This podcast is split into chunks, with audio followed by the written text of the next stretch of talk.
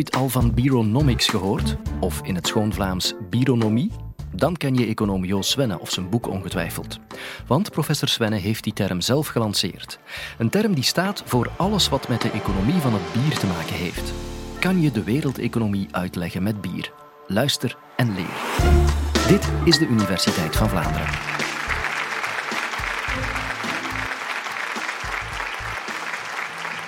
Bier en economie.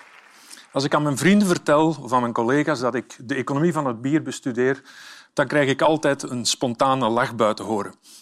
En dan zeggen ze meestal er nog na uh, en krijg je daarvoor betaald ook. Dat zal zeker wel zeer interessant zijn. En ze hebben gelijk. Ten eerste krijg ik ervoor betaald en ten tweede is dat zeer interessant. Bier is big business. Bier is big business vandaag en bier was big business in de oudheid en in de middeleeuwen. Bovendien is bier, of de biereconomie of de biersector, een bijzonder interessant product en sector om de economische ontwikkeling van de wereld te bestuderen en te analyseren en te begrijpen. En dat is wat we vandaag gaan bespreken. Laten we even bekijken waar we begonnen. Dat is in de verre oudheid, eh, vele duizenden jaren geleden. We weten nu via archeologische studies dat ongeveer 7000 jaar geleden de Chinezen al bier brouwden. En we denken dat ongeveer rond dezelfde tijd bier ook gebrouwen werd in Europa en in Azië en in Afrika. Bier was, en is nog vandaag, maar toen vooral, was een heel belangrijk product in de economie. En een van de redenen toen was dat bier gezond eten en drinken was. Het was gezond drinken. Waarom? Omdat het water dat we dronken, of dat men dronk dan, was niet veilig om te drinken omwille van de bacteriën. Het was een belangrijk, het was eten en drinken, het was voedzaam, omdat waar we vandaag bijzonder uh, bang voor zijn, dat zijn de calorieën in het bier. Maar toen waren calorieën goede zaken. Mensen hadden honger, mensen hadden energie nodig om te doen wat ze moesten doen in het dagelijkse leven. Bijvoorbeeld in Egypte. Egypte wordt nu niet meer zoveel bier gedronken, maar toen was Egypte een bierland. En toen de farao's de piramides bouwden, werden de mensen die moesten meewerken aan de bouw, de arbeiders, werden betaald in bier. En dat bier werd geleverd in grote kommen en ze dronken bier met een rietje. Dus bier werd met een rietje gedronken bij de farao's als voor de arbeiders die de piramides aan het bouwen waren. Dus veel leven lang was bier een belangrijk element van de voeding van de mensen, maar bier was meer dan dat. Bier was ook een belangrijke bron van inkomsten. En we weten uit uh, documenten van de middeleeuwen, vooral de late middeleeuwen van de 14e eeuw ongeveer tot de 19e eeuw, dat bier ongeveer 50 procent uitmaakte van de inkomsten van de steden en soms van landen ook. In het Verenigd Koninkrijk bijvoorbeeld, in de 18e eeuw 50 procent en meer. En wat deed het Verenigd Koninkrijk met dat geld? Wel, het investeren in zijn vloot, de Royal Navy. Zo, de British Empire, oké, en alle kolonisatie die de Britten deden, is voor een belangrijk deel gefinancierd via bierbelastingen. Als we nu een beetje dichter bij huis komen, huis bedoel ik dichter bij vandaag, en we kijken naar de biermarkt in de wereld, dan zien we dus dat bier de belangrijkste alcoholische drank is wereldwijd vandaag. We zien dat als we teruggaan naar de jaren 80, dan waren de wijnmarkt en de sterke drankenmarkt en de biermarkt ongeveer even groot. Als we kijken naar omzet, dus we spreken in dollars of in euro's. Sindsdien is de biermarkt enorm gegroeid. U ziet dat op de grafiek die u ziet. De gele lijn is de biermarkt. En daar zie je dat alle sectoren gegroeid zijn, maar vooral de biersector. En nu is de biermarkt ongeveer 2,5 keer zo groot als de wijnmarkt en de sterke drankenmarkt. Nu, de wereldmarkt is gegroeid, maar die is oneven gegroeid. Oneven bedoel ik dat die niet overal even sterk is gegroeid. En wat interessant is, is dat in de traditionele bierlanden, dat zijn de landen die we kennen zoals Engeland, Duitsland, België en zo verder, dat daar eigenlijk de biermarkt niet gegroeid is, maar eigenlijk is afgenomen. Aan de linkse paneel ziet u de traditionele bierlanden. En dan zie je bijvoorbeeld het witte lijn stelt België voor. En die witte lijn was het hoogste in 1973. In 1973 dronken de Belgen gemiddeld 140 liter bier per hoofd van de bevolking. Nu is dat minder dan 70. Dus over die periode is het biergebruik in liters afgenomen met ongeveer 50 procent. Dezelfde trend zie je in Duitsland, in Nederland, in Engeland en zo verder. Waar zit die groei dan? Die groei zit in de groeilanden. Okay? De landen waar de inkomen sterk groeien, China, Brazilië, uh, Rusland staat ook op de grafiek hier. En daar zijn dus inkomens sterk toegenomen en met de stijging van de inkomens daar ook de is daar ook de bierconsumptie fel gegroeid. Het gevolg daarvan is dat China nu de grootste biermarkt ter wereld is. En u ziet op de volgende grafiek hoe de rode lijn China voorstelt In China zijn de economische hervormingen begonnen in 1978 en sindsdien zijn de inkomens gestegen, sindsdien is de bierconsumptie gestegen. En die is sterk gestegen. U ziet het punt waar de gele lijn en de rode lijn elkaar kruisen, dat is 2003. En in 2003 wordt China dus groter dan Amerika in termen van bierverbruik. Het is niet alleen inkomen dat een rol speelt, er zijn ook andere factoren die een rol spelen. En we gaan even een quiz doen. Dus het volgende grafiekje dat u krijgt heeft vier kolommen. En die kolommen stellen het aandeel van het bier in de alcoholconsumptie voor. En u ziet dat twee kolommen rond de 80 procent zitten en twee kolommen minder dan 10 procent. Dit zijn vier landen. En de landen zijn Spanje, Italië, eh, het Verenigd Koninkrijk en België. Wie denkt u dat welk land voorstelt? Of welke kolom stelt welk land voor?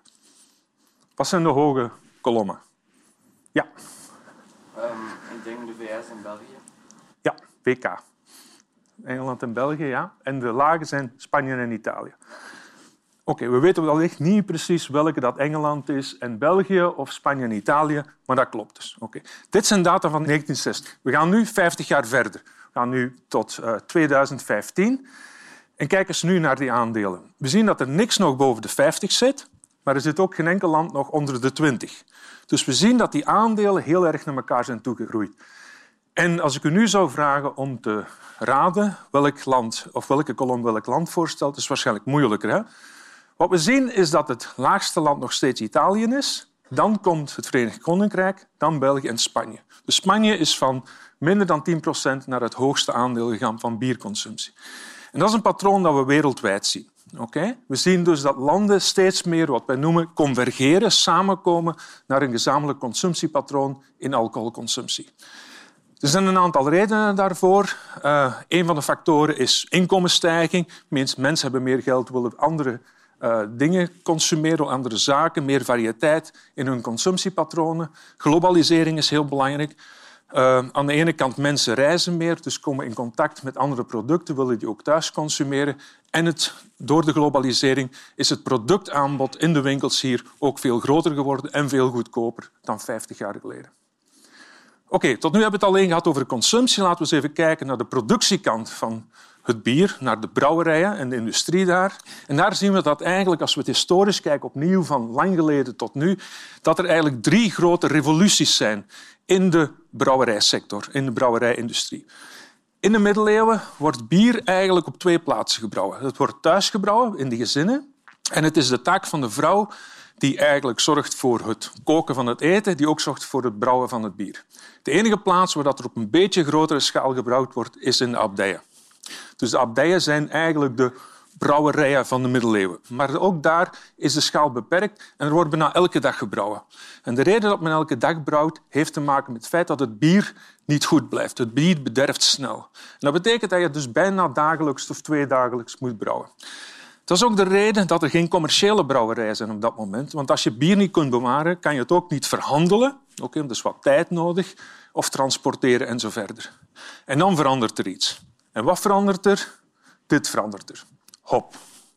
Men ontdekt dat hop, men kende de plant al langer, maar men ontdekt dan eigenlijk pas wat een belangrijke rol hop en vooral de hopbellen kunnen spelen in het brouwproces. Dus het toevoegen van hopbellen zet uh, aroma's vrij, maar zet vooral zuren en oliën vrij die in die hopbellen zitten en die zorgen voor de bewaring van het bier. Het is een hele sterke conserveringsmiddel dat men eigenlijk ontdekt. Het gevolg daarvan is dat men nu bier wel kan bewaren. Dat betekent dat men het kan verhandelen, kan verkopen en een hele nieuwe commerciële brouwerijindustrie ontwikkelt. En ontwikkelt zich niet alleen in Noord-Duitsland, waar men voor het eerst dit op eh, redelijke schaal is toepassen, maar vanuit Noord-Duitsland wordt via de havens van Bremen en Hamburg wordt dus dit gehopte bier uitgevoerd en geleidelijk verspreidt zich dat over heel Europa. De tweede revolutie komt ongeveer 600 jaar later. En dat is de industriële revolutie. Nu, de industriële revolutie heeft heel groot impact gehad op de wereld. Eigenlijk, veel mensen beseffen niet dat tot de industriële revolutie rond 1750, 1800, dat eigenlijk de inkomens in de wereld ongeveer gelijk zijn gebleven de vorige 2000 jaar. Dankzij de industriële revolutie, wat een wetenschappelijke revolutie is en een technologische revolutie, stijgen de inkomens in de wereld enorm. We hebben innovatie, nieuwe technieken, industrieën die zich ontwikkelen.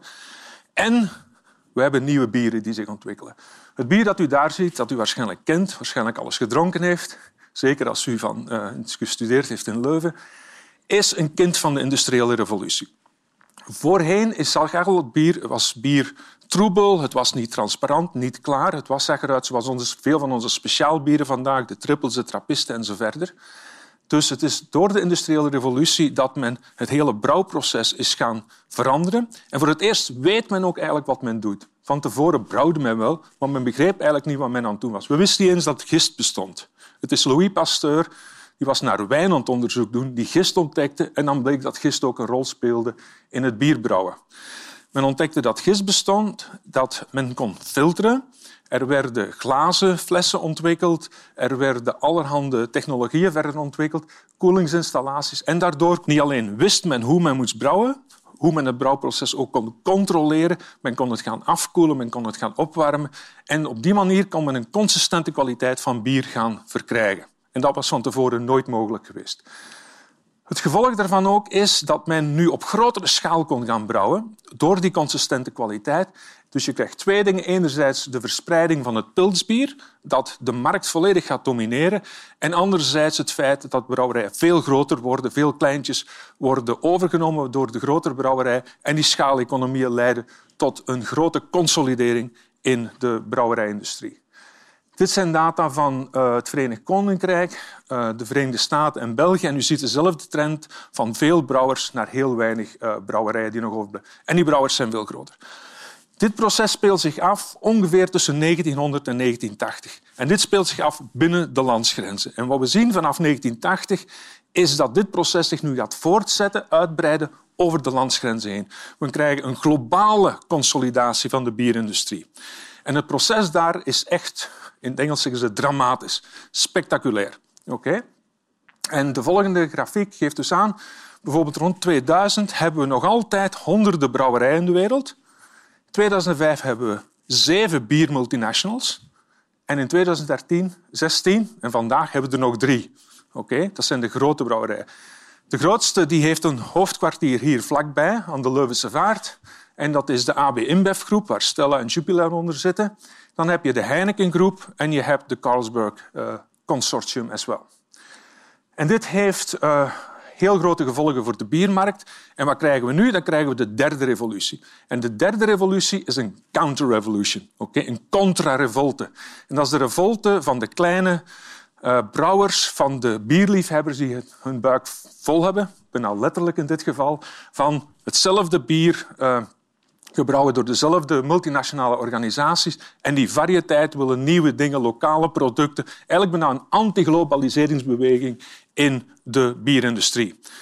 Het gevolg daarvan is een heel snelle groei van het aantal brouwers. En als we kijken dat eh, het proces speelt zich af in heel veel landen ter wereld. Dit zijn data van het Verenigd Koninkrijk, van Nederland en de Verenigde Staten.